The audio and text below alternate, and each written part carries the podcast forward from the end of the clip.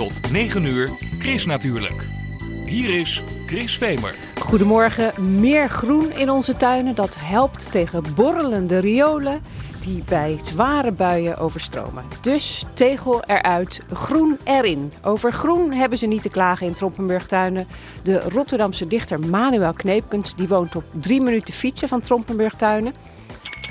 Logisch dat hij er vaak te vinden is. In grote en kleine gedichten brengt hij een ode aan de bomen en planten in dit Kralingse park.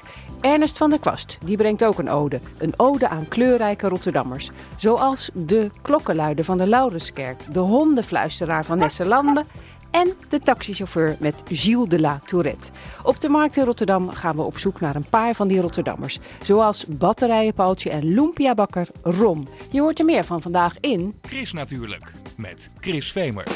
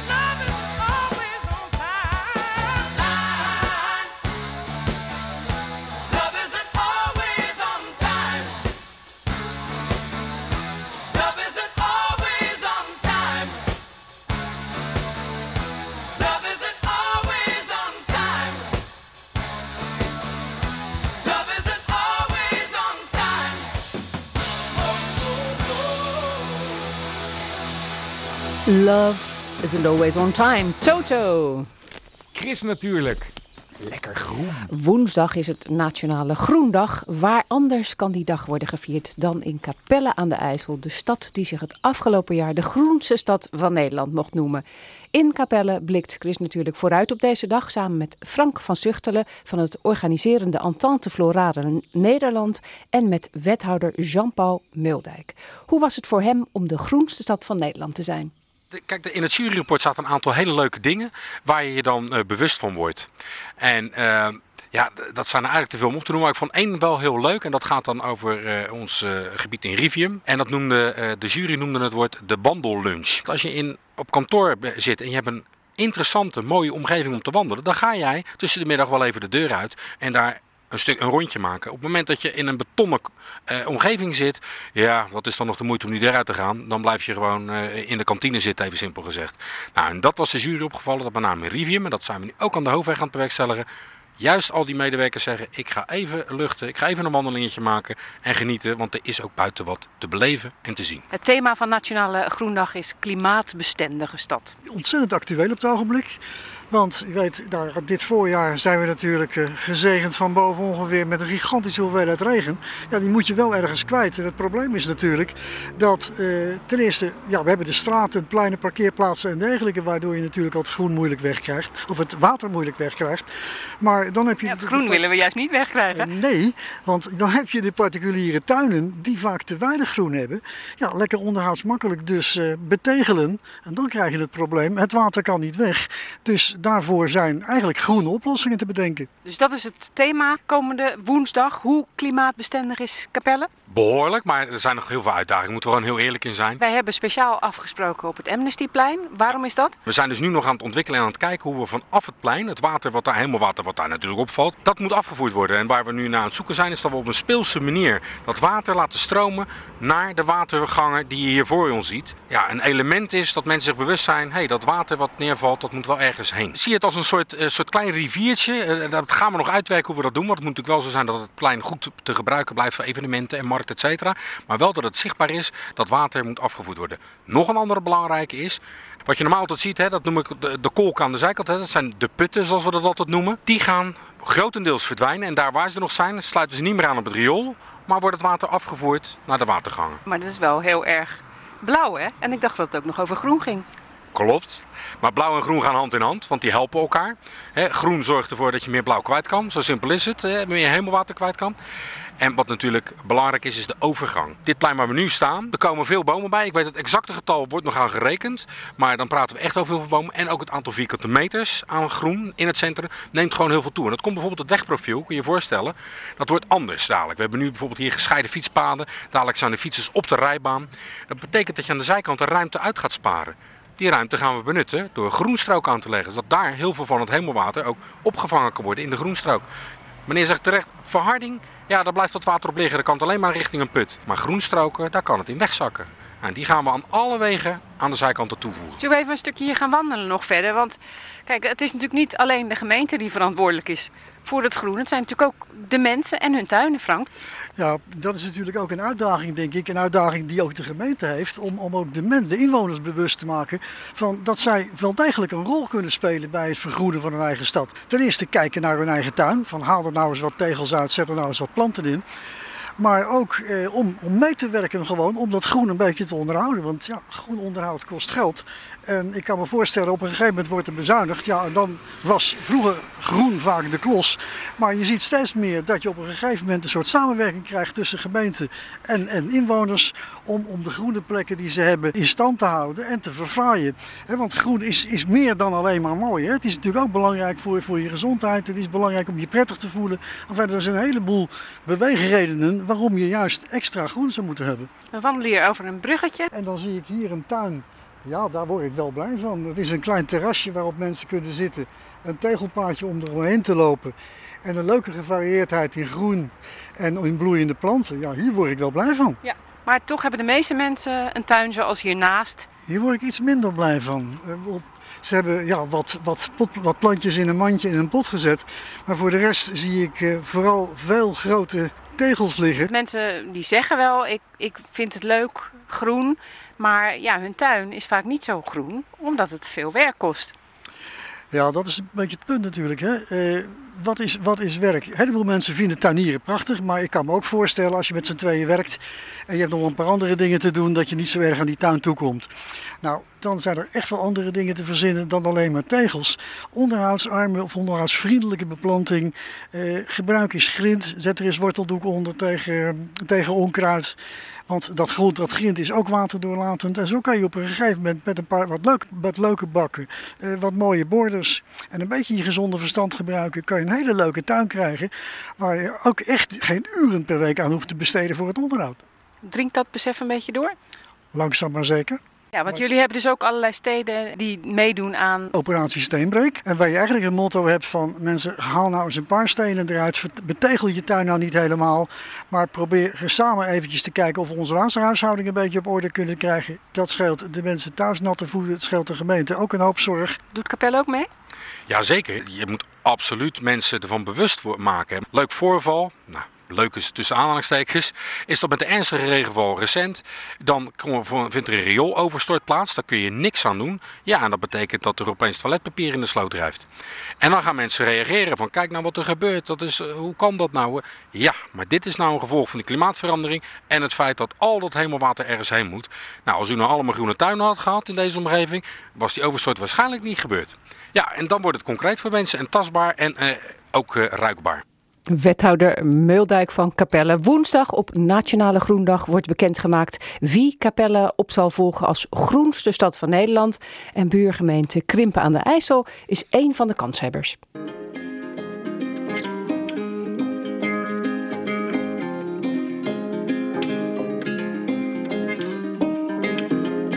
Escape me, I'll hold you tight. Let the sparks ignite the darkness while our hearts align. Run away with me, leave it all behind. We're estranged from limitation when we free our minds. Do you think we could lose control?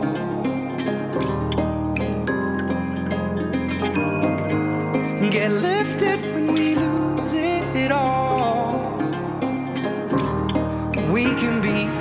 this crowd, feel the music ringing out. The people round us singing loud. It's just you and me right now. It's just you and me right now. Do you think we could lose control?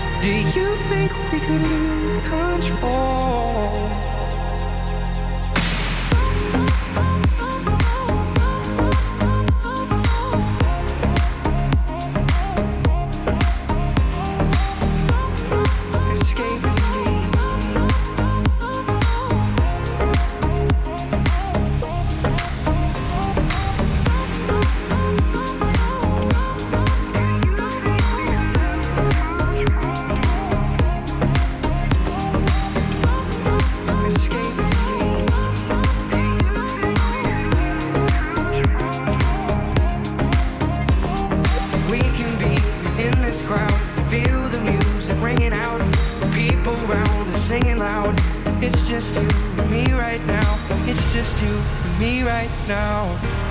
Do you think we could lose control? Stel dat Hillary verliest. Gaat Trompenburg dan Trumpenburg heten? Nee toch? Manuel Kneepkens, de in Limburg geboren dichter, oud-politicus en jurist, woont al jaren in Rotterdam-Kralingen, vlakbij Trompenburgtuinen. Bij de planten en bomen heeft hij gedichten geschreven die gebundeld zijn in zijn nieuwe boek Trompenburg, Tuinen en Arboretum. Sommige gedichten zijn ook in de tuin zelf te lezen, naast de plant of de boom waarover het gedicht gaat. En Chris natuurlijk, die maakt samen met Manuel Kneepkens een wandeling door de tuin. Directeur Gert Fortgens, die gaat mee om de wandel, eh, als wandelende encyclopedie. Want uh, hij kan daar alles over vertellen, over de herkomst van het groen. Het begint in de kast van de tuin bij een gedicht dat wel degelijk over planten gaat. Ook al wijst de titel op iets anders. Bewegende steentjes. Rotterdam heeft Zatkinnen, Erasmus, Kabouter Butpluk. Standbeelden staan altijd stil. Het arboretum Trompenburg heeft bewegende steentjes. Mini-kameeën uit de Kalahari-woestijn. Ja, nou, dit is een hele mooie, meteen maar een dichterlijke vrijheid. Want wij noemen het levende steentjes. De dichter heeft het vertaald naar bewegend. Het, maar het zijn steentjes uit de woestijn. Of het zijn eigenlijk geen steentjes, het zijn cactusjes uit de woestijn. Die uh, uh, een heel klein stukje boven de grond uitkomen. En zich daardoor beschermen tegen die enorme hitte in de woestijn. En ze hebben een hele aparte aanpassing. Dat de bladeren zijn min of meer naar binnen gevouwen. En daar zit een soort weefsel tussen. Wat de UV-straling tegenhoudt. Dus uh, het is een heel bijzonder uh, klein steentje. En daarom uh, hebben we hem hier ook in de kast staan. Wat vind je ervan? Al die gedichten voor deze tuin. Nou ja, niet voor deze tuin, maar bij de planten en bomen uit deze tuin. Verrassend. Uh, een hele andere blik, hele andere gedachten bij de planten dan uh, die wij er normaal bij hebben. Wij denken heel anders hè, aan vormgeving en aan uh, kleuren en seizoensaspect en bijzonderheid van de plant. maar Manuel die haalt er hele andere gedachten bij. En hele verrassende wendingen zitten daar dan in. historische aspecten, humor zit erin. Uh, en soms klopt het ook wel, hè? Want volgens mij staat er één gedicht in over, over dat hij nog een beetje een zweetgeur verspreidt. Kort gedichtje was dat. Zullen we die ja, even doen? Dat heb ik niet, niet erbij, maar dat is voor de scharlei of zo, hè? Ja. U ziet eruit uh, als een koningin, maar u transpireert als een boer. Salve vac regime. Toch steunen we de koningin. Schrijf jij die gedichten ook hier in de tuin? Uh, niet allemaal, maar ik, uh, eigenlijk uh, toen ik op de Erasmus werkte, kwam ik iedere dag langs. En dan had ik enige rust voordat ik ja, dan toch college gaf. Hè. Er waren altijd 300 mensen in de zaal. Dus dan moet je toch een beetje ontspannen voorkomen. En daar heb ik dus eigenlijk veel aan gehad in deze tuin. Dus deel daarvan van deze zijn hier geschreven. En deel hebben met mijn ervaring met natuur te maken. Hè. Die natuurlijk vooral in mijn jeugd in Limburg zich afspelen. Die haal ik dan hier weer op. Kom je hier toch nog vaak? Want je woont hier in de buurt. Zeker, ja. Ik woon hier vlak in de buurt, het Voorschotenlaan. Dus dat is met de fiets drie minuten. Zullen we naar de Hosta's gaan? Want daar heb je ook een heel mooi gedichtje van. En dan vraag ik ondertussen nog eventjes... Ik heb het arboretum geschreven, hè? dat is vorig jaar, twee jaar geleden. Ja, kijk, hier heb je allemaal Hosta's en ze aangevreten door slakken. Hè? Het is ongelooflijk uh, hoe die beesten tekeer gaan met... Uh, die houden van, houden van hosta's, dat zeg ik toch goed hè? Ze houden juist van hosta's. Ja, daar lijkt het, ja, daar lijkt het ja. wel op, maar weer, ook weer niet van elke hosta. Want we hebben toch wel heel duidelijke verschillen. In de hosta's die zijn aangevreten en welke niet. En dat is natuurlijk het leuke van zo'n grote collectie. En dan kom ik weer met het hele praktische aspect om de hoek van... ja, er zijn kwekers die zijn geïnteresseerd in welke hosta staan hier in Trompenburg... en welke worden niet door slakken opgegeten. Het was een, was een goed slakkenjaar volgens mij. Het, uh, het, was een drama. Het is heel lang goed gegaan tot in uh, mei. En toen werd het in juni weer uh, erg nat en warm. En toen was het weer in een paar dagen gebeurd. Het, is, uh, ja, ze, ja, het hoort erbij. Kijk, de egeltjes en de eendjes en de vogeltjes... die hebben weer lol van al die slakken. Dus die hebben misschien ook weer een goed jaar gehad. Wie weet. En wat is het gedicht wat hierbij hoort? Ja, dan moeten we gaan nu naar het plankje toe. Hè? Dat is verderop. Een lange laan, de Hostalaan. Waar dus in mijn verbeelding uh, s'nachts verliefden lopen. Als Gert in zijn bed ligt, dan kruipen hier mensen naar binnen... en hebben elkaar lief, denk ik. Lovers Lane, ja. Ja, dat toch. Dat is een soort Lovers Lane. En, uh, dus daar is het gedicht op gebaseerd. Maar we moeten nu kijken, waar heb je het bordje staan, Gert? Ik zie. Ja, aan het begin natuurlijk. Oh ja. ja en we zijn nu een halverwege. Ja, dus, zeker. Nou, ja. ja, nou dan... Uh, Komt er spontaan iets bij je naar boven? nou, op zich, uh, dus mijn vrouw heeft groene vingers. Hè. Ik heb er ook een klein gedicht over. mijn vrouw heeft groene vingers, ik pen mijn vingers blauw. dat is onze verhouding tot planten. Die is bij haar direct en bij mij indirect. Ik schrijf erover. Maar we, hadden, we hebben ook een volkstuin. Dus voornamelijk is het werk van mijn vrouw. En daar hebben de slak ook vreselijk huis, gehouden. En zichzelf uh, ja, aan andere planten als magrieten hebben ze zich ook eh te buiten gegeten. Dus dat was, gaf een zekere eh, ja, neerslachtigheid bij al die tuinders. Hè. En heeft zij nog een goede tip misschien? Of moet ik dat dan weer aan haar vragen? Nee, nou op zich is het inderdaad wat Ger zegt. Je moet het maar afwachten en over je heen laten gaan. En eh, ja, het is niet anders. Ik denk ook dat het veel te maken heeft met de enorme regens die we hebben. Hè? Dat daar ook slakken, die vinden dat wel lekker geloof ik. Toch? Eh, ja, maar niet alleen slakken vinden ze lekker. Wij Ja. vinden ze eigenlijk ook lekker. Ja. En dat is iets- weer iets wat de laatste tijd is naar boven gekomen van een belangstelling voor eetbare planten. En, en laatst kreeg ik eh, een vraag van een mevrouw die zei tegen mij van joh, jullie hebben zo een paar honderd van die hosta's in de tuin staan. Welke zijn nou de lekkerste? Nou, dat hebben wij dus nooit over nagedacht. Dus ik heb mevrouw, ik weet het niet, maar ik ga proeven.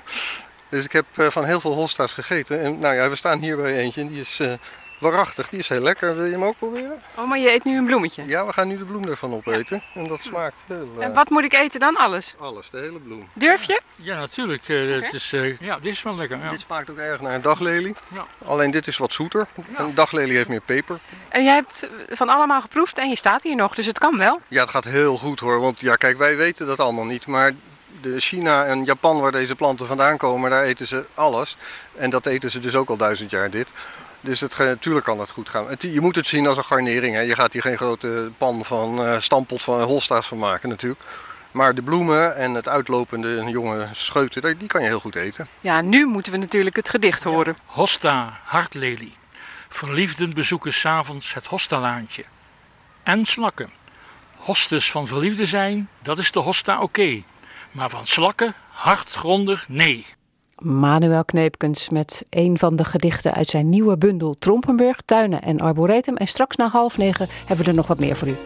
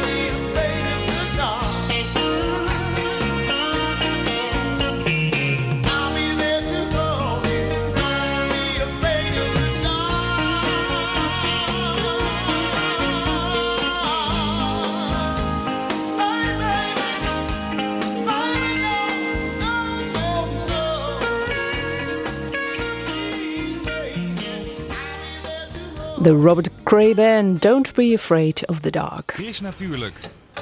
De weekendbijlage. En wat zat er in de weekendkranten over groen, natuur en milieu? Dat hoor je in het overzicht. Ik lees het samen met Aris van Meteren. En Aris, goedemorgen. Jij gaat beginnen. Natuurbeschermers in Nederland die hebben gefaald toen het kabinet in 2010 besloot tot een ongekende bezuiniging op natuurbeheer, zegt althans plantenecoloog Frank Berendsen vandaag in Trouw. Ze hadden hun achterban moeten mobiliseren, net zoals de kunstensector dat heeft gedaan. De natuur lijdt nu nog steeds onder de rampzalige bezuinigingen van toen. Honden in alle soorten en maten mogen vandaag een duik nemen in het buitenbad aan de Van Manenstraat in Rotterdam. Op deze laatste dag van het seizoen kunnen honden zich met hun baasjes melden bij het zwembad voor de Dog Parade 010 Pool Party. Straks om 12 uur geeft gelegenheidsbadmeester, hondenliefhebber en acteur John Buisman het startsein voor het aquafeestje voor honden. Wie meer wil weten over bijenvolken, imkeren en het leven van de bijen kan vandaag terecht op de open dag van het Bijenpark aan de Matelinkweg in Rotterdam-Zuid. Imkers geven informatie, er wordt honing verkocht en wie durft mag meekijken in een bijenkast. Vandaag van 10 tot 5 in het Bijenpark aan de Matelinkweg in Rotterdam. Ondernemers warmen langzaam op, kopt de ondernemer de maandelijkse bijlage van het AD. Ondernemers willen best duurzaam zijn, maar ze weten niet hoe ze moeten beginnen. Begin klein is het devies. Koop bijvoorbeeld groene stroom in en breng de hoeveelheid afval terug. Warme Turkse platbroden met groenten en kruiden uit de stadslandbouwtuin Schiebroek Zuid. Verse salades met microgroenten van Rebel Farms. Pesto van brandnetels uit Trompenburgtuinen. Bitterballen van oesterzwammen geteeld op koffiedik van stadskwekerij Rotterzwam. Het is maar een greep uit alle lekkernijen die je dit weekend in Rotterdam kunt proeven op het Oostplein. Tijdens het evenement Stoepmakers Oostplein. Nou, klinkt toch heerlijk. Dat was Aries van Meteren met het groene nieuws uit de weekendkranten en daarbuiten. Gaan we door met het weerbericht. Dat komt van Leen de Koning. Leen, goedemorgen. Chris, hele goede morgen. Wat voor weer wordt het in het derde weekend van september? Nou, ik denk eh, dat eh, heel veel mensen met dit weer best blij zullen zijn. Want ja, na dat extreme weer van de afgelopen week, Chris, werd er toch wel heel wat afgeklaagd over de hitte. Maar vandaag een eh, prachtige dag met aanvankelijk weliswaar vrij veel wolkenvelden, maar die beginnen nu al te breken. Nou, hier en daar is vanmorgen vroeg nog een licht buitje gevallen, maar overdag blijft het vrijwel zeker overal droog en breekt van tijd tot tijd de zon door. En die zonnige perioden worden afgewisseld met wat wolkenvelden en een paar stapelwolken. De wind ook niet al te sterk, een matige wind die waait uit een oost-noordoostelijke richting. En dankzij die zonnige periode wordt het vanmiddag zo'n 23 graden. Komende avond en nacht een mix van wolkenvelden en opklaringen. Hier en daar kan er wat nevel ontstaan. En bij een zwakke tot matige wind uit een noord-noordoostelijke richting koelt af naar een graad of 14. En ook morgen hebben we een mix van eh, zonnige perioden met wat stapelwolken en een paar wolkenvelden. Overal droog. De wind zwakt tot matig uit een noord-noordoostelijke richting. Nou, een graadje minder dan vandaag, zo'n 22 graden als maximumtemperatuur. Maar goed, ook dat is natuurlijk eh, een prima weertype voor alle buitenactiviteiten. En begin volgende week eigenlijk weinig verandering. De wind blijft hoofdzakelijk waaien uit een noord-noordoostelijke richting. De wind is meest maar zwak. In de nacht en ochtend koelt het af naar zo'n 12 tot 13 graden. Dus die nachten worden toch langzamerhand wel iets minder zacht. En in de middag, maandag en dinsdag een maximumtemperatuur rond de 20 graden. Dus dit weekend en ook begin volgende week uitstekend weer om wat tegels uit die tuin te halen. Want als het dan later volgende week gaat regenen, kan dat hemelwater wat beter weglopen, Chris. Dankjewel, Leen, en een heel fijn weekend. Oké, bye bye.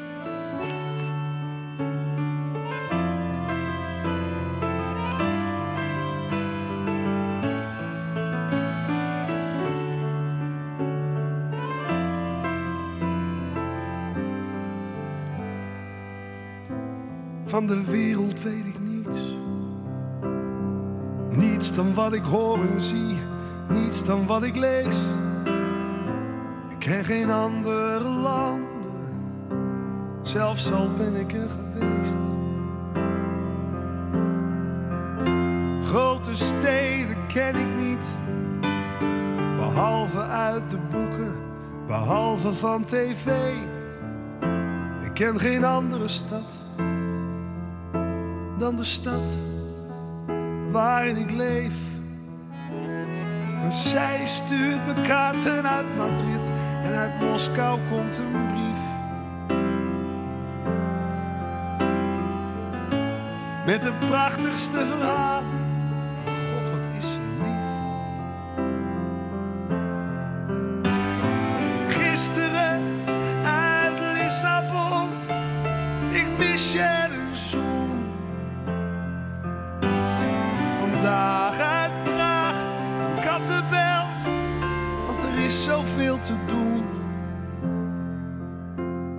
En morgen als de postbode mijn huis weer heeft gevonden, dan stort ze mijn hart vol met al uit Londen.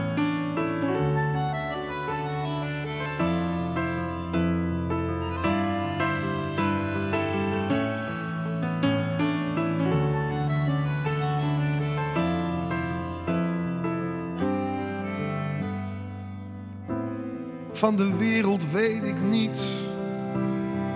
Niets dan wat ik hoor en zie. Niets dan wat ik voel. Ik leef van dag tot dag. Zonder vrees en zonder doel. Verre landen ken ik niet. Behalve uit mijn atlas, die droom ik elke nacht. Maar ik droom alleen de landen waar ze ooit aan me dacht. Als een mooi en groot geloof aan de muur van mijn gedachten hangt een wereldkaart te wachten tot ze terugkomt. Met haar reizen in mijn hoofd steek ik vlaggen in de aarde, dezelfde kleur, dezelfde waarde. Maar zij stuurt me kaarten uit Madrid en uit Moskou komt een brief.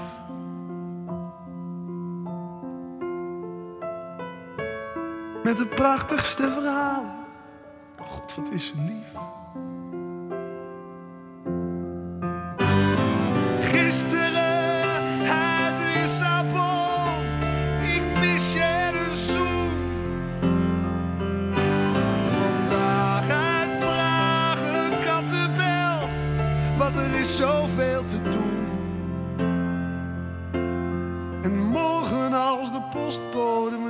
weer heeft gevonden, dan stort ze mijn hart vol met al het liefst uit Londen.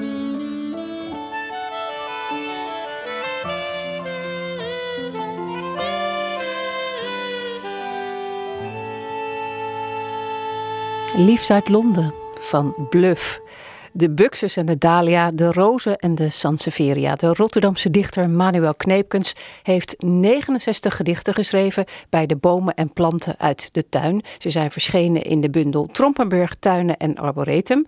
We vervolgen nu onze wandeling. Chris natuurlijk maakt die samen met eh, de dichter langs de planten in de tuin. En ook de directeur van de tuin, Gert Vertgens, die wandelt mee. Wat is zijn favoriete gedicht over een boom uit de bundel?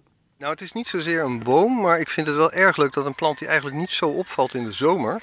En, en die hier ook net niet eh, inheems is, dus hier net niet echt thuis hoort, dat is de marentak. En Laten we daar maar even naartoe Als we gaan. naar een stukje doorlopen, dan hebben we hem eh, in de meidoren. En het leuke hiervan is dat hij dus min of meer, ja, de, de besjes die zijn ooit tegen de bast gedrukt van deze meidoorn. En die zijn gaan kiemen. En hij heeft het erg naar zijn zin, zoals je ziet. En van deze boom af zijn er weer op andere bomen in de tuin ook spontaan marentakken verschenen. Dus de vogels die doen gewoon hun werk. Hij eet dus eh, van de, de sapstroom van de, de gastheerplant. Dan heb je mannetjes en vrouwtjes. Dus je, zit- aan sommige zitten de besjes. Dat zijn die marentakjes die je dan kan kopen met, eh, met kerst bijvoorbeeld. En als die zich spontaan uitzaait, krijg je dus dat je en mannetjes en vrouwtjes in de tuin kan hebben. En als die vrouwtjes door de vogels eh, gepakt worden, die bessen dan, dan eh, en ja, de vogellijm heet het ook wel. Dat is een beetje plakkerig spul. Dus die eh, vogels die smeren die besjes met hun snavel aan de tak en dat gaat kiemen. En dan groeit dat weer verder. In het geweld van al onze bloeiende rhododendrons en eh, azalea's en de hosta's valt hij niet zo op. Maar hij is toch eh, naar voren gekomen. Daar ben ik heel blij mee. Ja, hij heeft hem gevonden. Ik moet altijd denken aan druïden. Dat klopt, dat klopt. Eh, dus eh, dat eh, is, eh, ja, de marentak is ha- hartstikke magisch. En, en zelfs bij de antroposofie wordt hij nog gebruikt tegen kanker. Hè? Verdunning daarvan zou eh, tegen kanker strijden. Dat wordt door reguliere eh, medicijnmensen zeer betwijfeld. En ik doe geen uitspraak, want ik hoef ik niet als dichter. Maar Ja, je, je, je, collega Jacques Kerklijn heeft mij eens een leemvrijtende druïde uit Limburg genoemd. Op Radio Rijnmond, dus kun je nagaan hoeveel druïden er hier, eh, hier spelen. Ja, een leemvrijtende druïde. Ja, altijd als ik hem zie, denk ik, dat moet, had je niet moeten doen, Kerklaan. Maretak. Groen schaambos op de winternaaktheid van het Guldal. In het hinterland staan blind de ovens van de beken klaar. Zie, tussen ons droomt hardop een druïde. In de abelen, populieren, peppels, in de beemde langs de geul. Wee zijn gebeente, uitgemergeld, verhangen aan een Duitse Tweede Wereldoorlog parachute. O, als een kolossale snotbel aan Wodans neus geplakt. Hadden wij dit maar verzonnen, hè? Je komt er niet op. Maar het leuke is dus wel weer dat het, eh, het Zuid-Limburgse zit er helemaal in. Eh, niet alleen het herkomstgebied van Manuel, maar ook dus nog van de Maretak. En eh, ze zijn allebei heel goed geaard in het Rotterdamse, dat kan je wel zeggen. Een typische parasiet. Wat je met die Limburgers hebt. Hè. Nou ja, dan zal ik me niet over mijn volksgenoten uitspreken. Want straks regeren ze het land, begrijp ik. Daar kan ik niks aan doen. hè. Manuel, overal te koop? Hij is overal te koop in de boekhandel voor 16 euro. Op Trompenburg kost hij 10 euro. En de opbrengst is voor Trompenburg. Nou, dat is een mooie geste van de dichter. Trompenburg, Tuinen en Arboretum van Manuel Kneepkens is uitgegeven door Contrabas.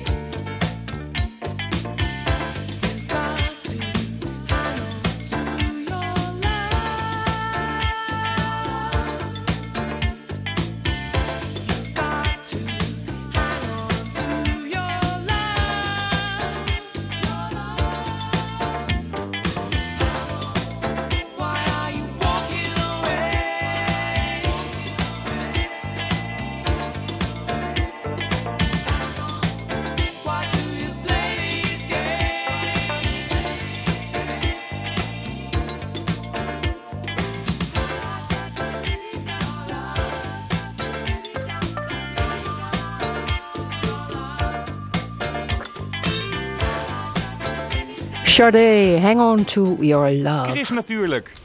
Lekker lezen. Het zijn mooie tijden voor de Rotterdamse schrijver Ernest van der Kwast. Zijn roman De IJsmakers heeft gisteravond de Dio Rafte Literatuurprijs 2016 gewonnen. En dat is een prijs voor literatuur voor jongeren. En zelf kon hij niet bij die uitreiking zijn, want hij was in Rotterdam, waar de presentatie was van zijn eigen nieuwe boek met portretten van markante Rotterdammers. In de talkshow Rotterdam Late Night brengt van der Kwast al vijf jaar odes aan mensen die kleur geven aan de stad. 60 van die verhalen zijn nu gebundeld in het boek Het Wonder dat niet omvalt. Samen met de schrijver gaat Chris natuurlijk naar de markt op de Binnenrotte, waar een paar van die kleurrijke Rotterdammers werken. Maar zijn jachtgebied is veel groter. Ja, jachtterrein. Het is niet dat ik jaag op, eh, op mensen die, die, die ik dan voor mijn boek wil gebruiken of zo. Van, het is, ik word vaak toch wel getipt eh, van ga daar eens kijken.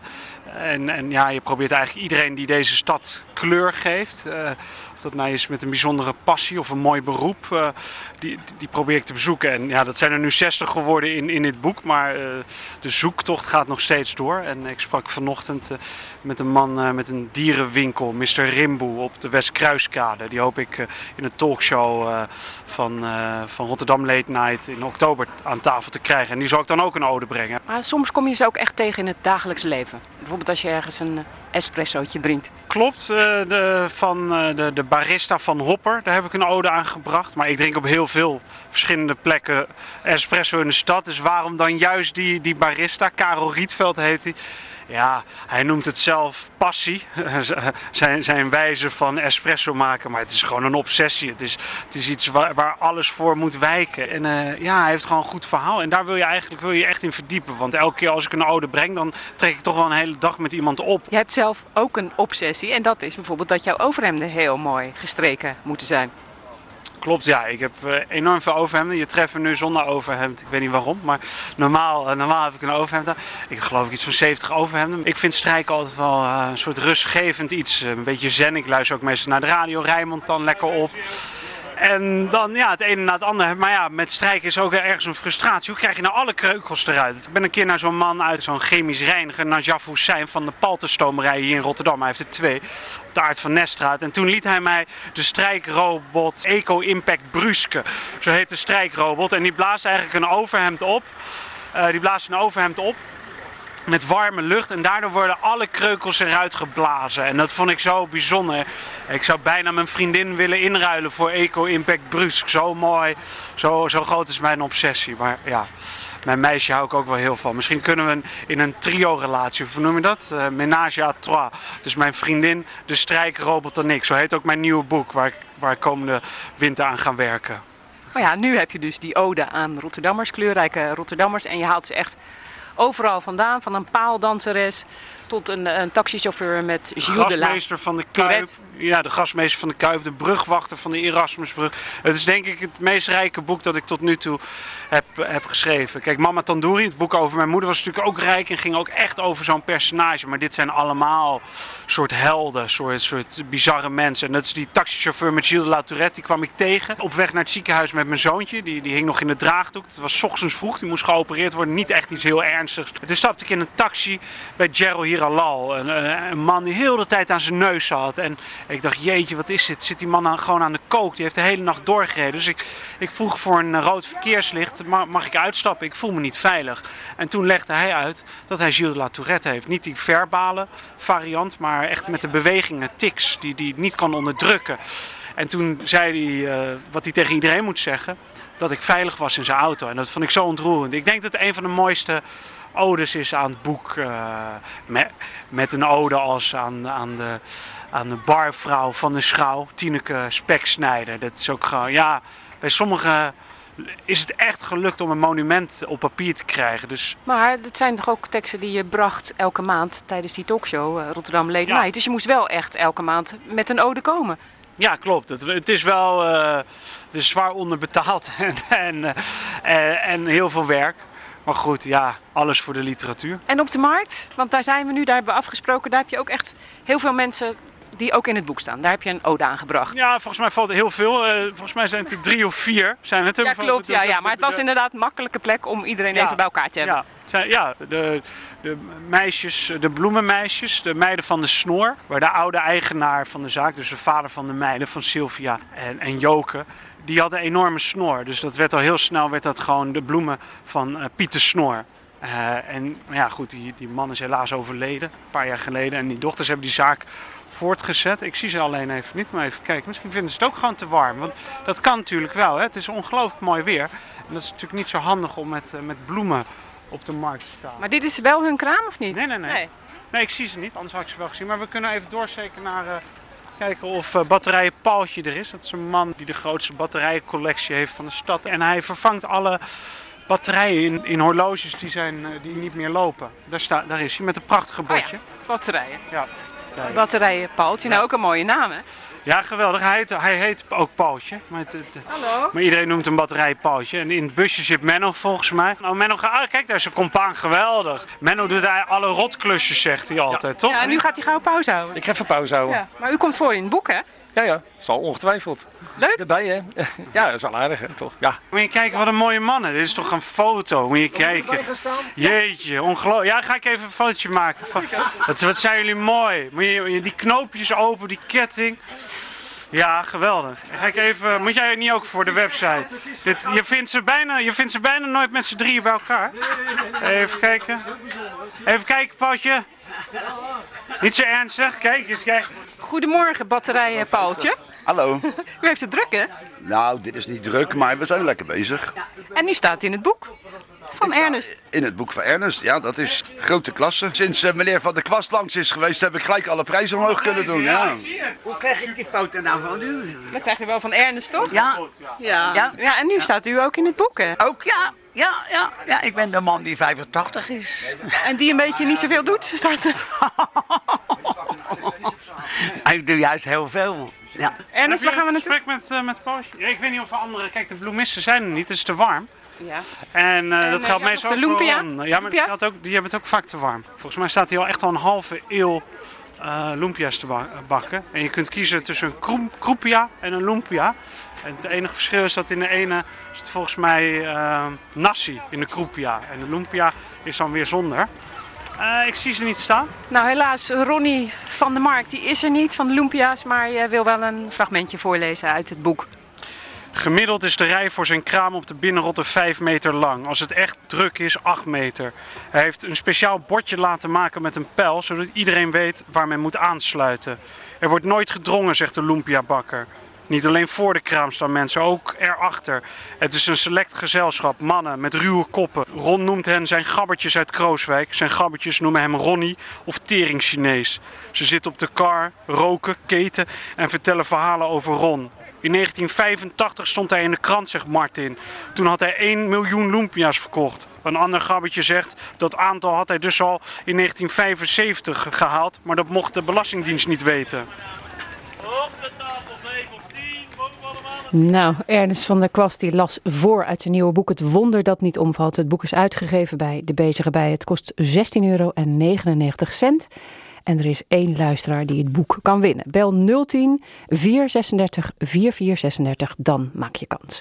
TV Rijnmond die zendt de komende weken iedere donderdag Ode aan de Rotterdammer uit. Met iedere week een portret van een andere Rotterdammer uit de bundel van Ernest. En wil je ook nog meer zien, dan kan je natuurlijk vandaag op de markt gaan kijken. Want wie weet is de bloemenverkoopster en de lumpia-verkoopster en natuurlijk de mannen van Batterijenpaaltje eh, zijn er nu wel. Want het is niet zo warm als afgelopen dinsdag toen deze reportage werd opgenomen. En je kan ook nog naar Museum Rotterdam, want daar is nog een tentoonstelling te zien rond dit boek. Dit was Chris natuurlijk, een programma van Chris Vemer, Peter Konings, Aries van Meteren, Roeland Kuppers en Bianca Put, die werkten mee.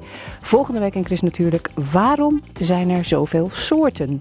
Fijn weekend allemaal, straks veel plezier met muziek voor volwassenen en Johan Derksen. En daarvan is er maar één.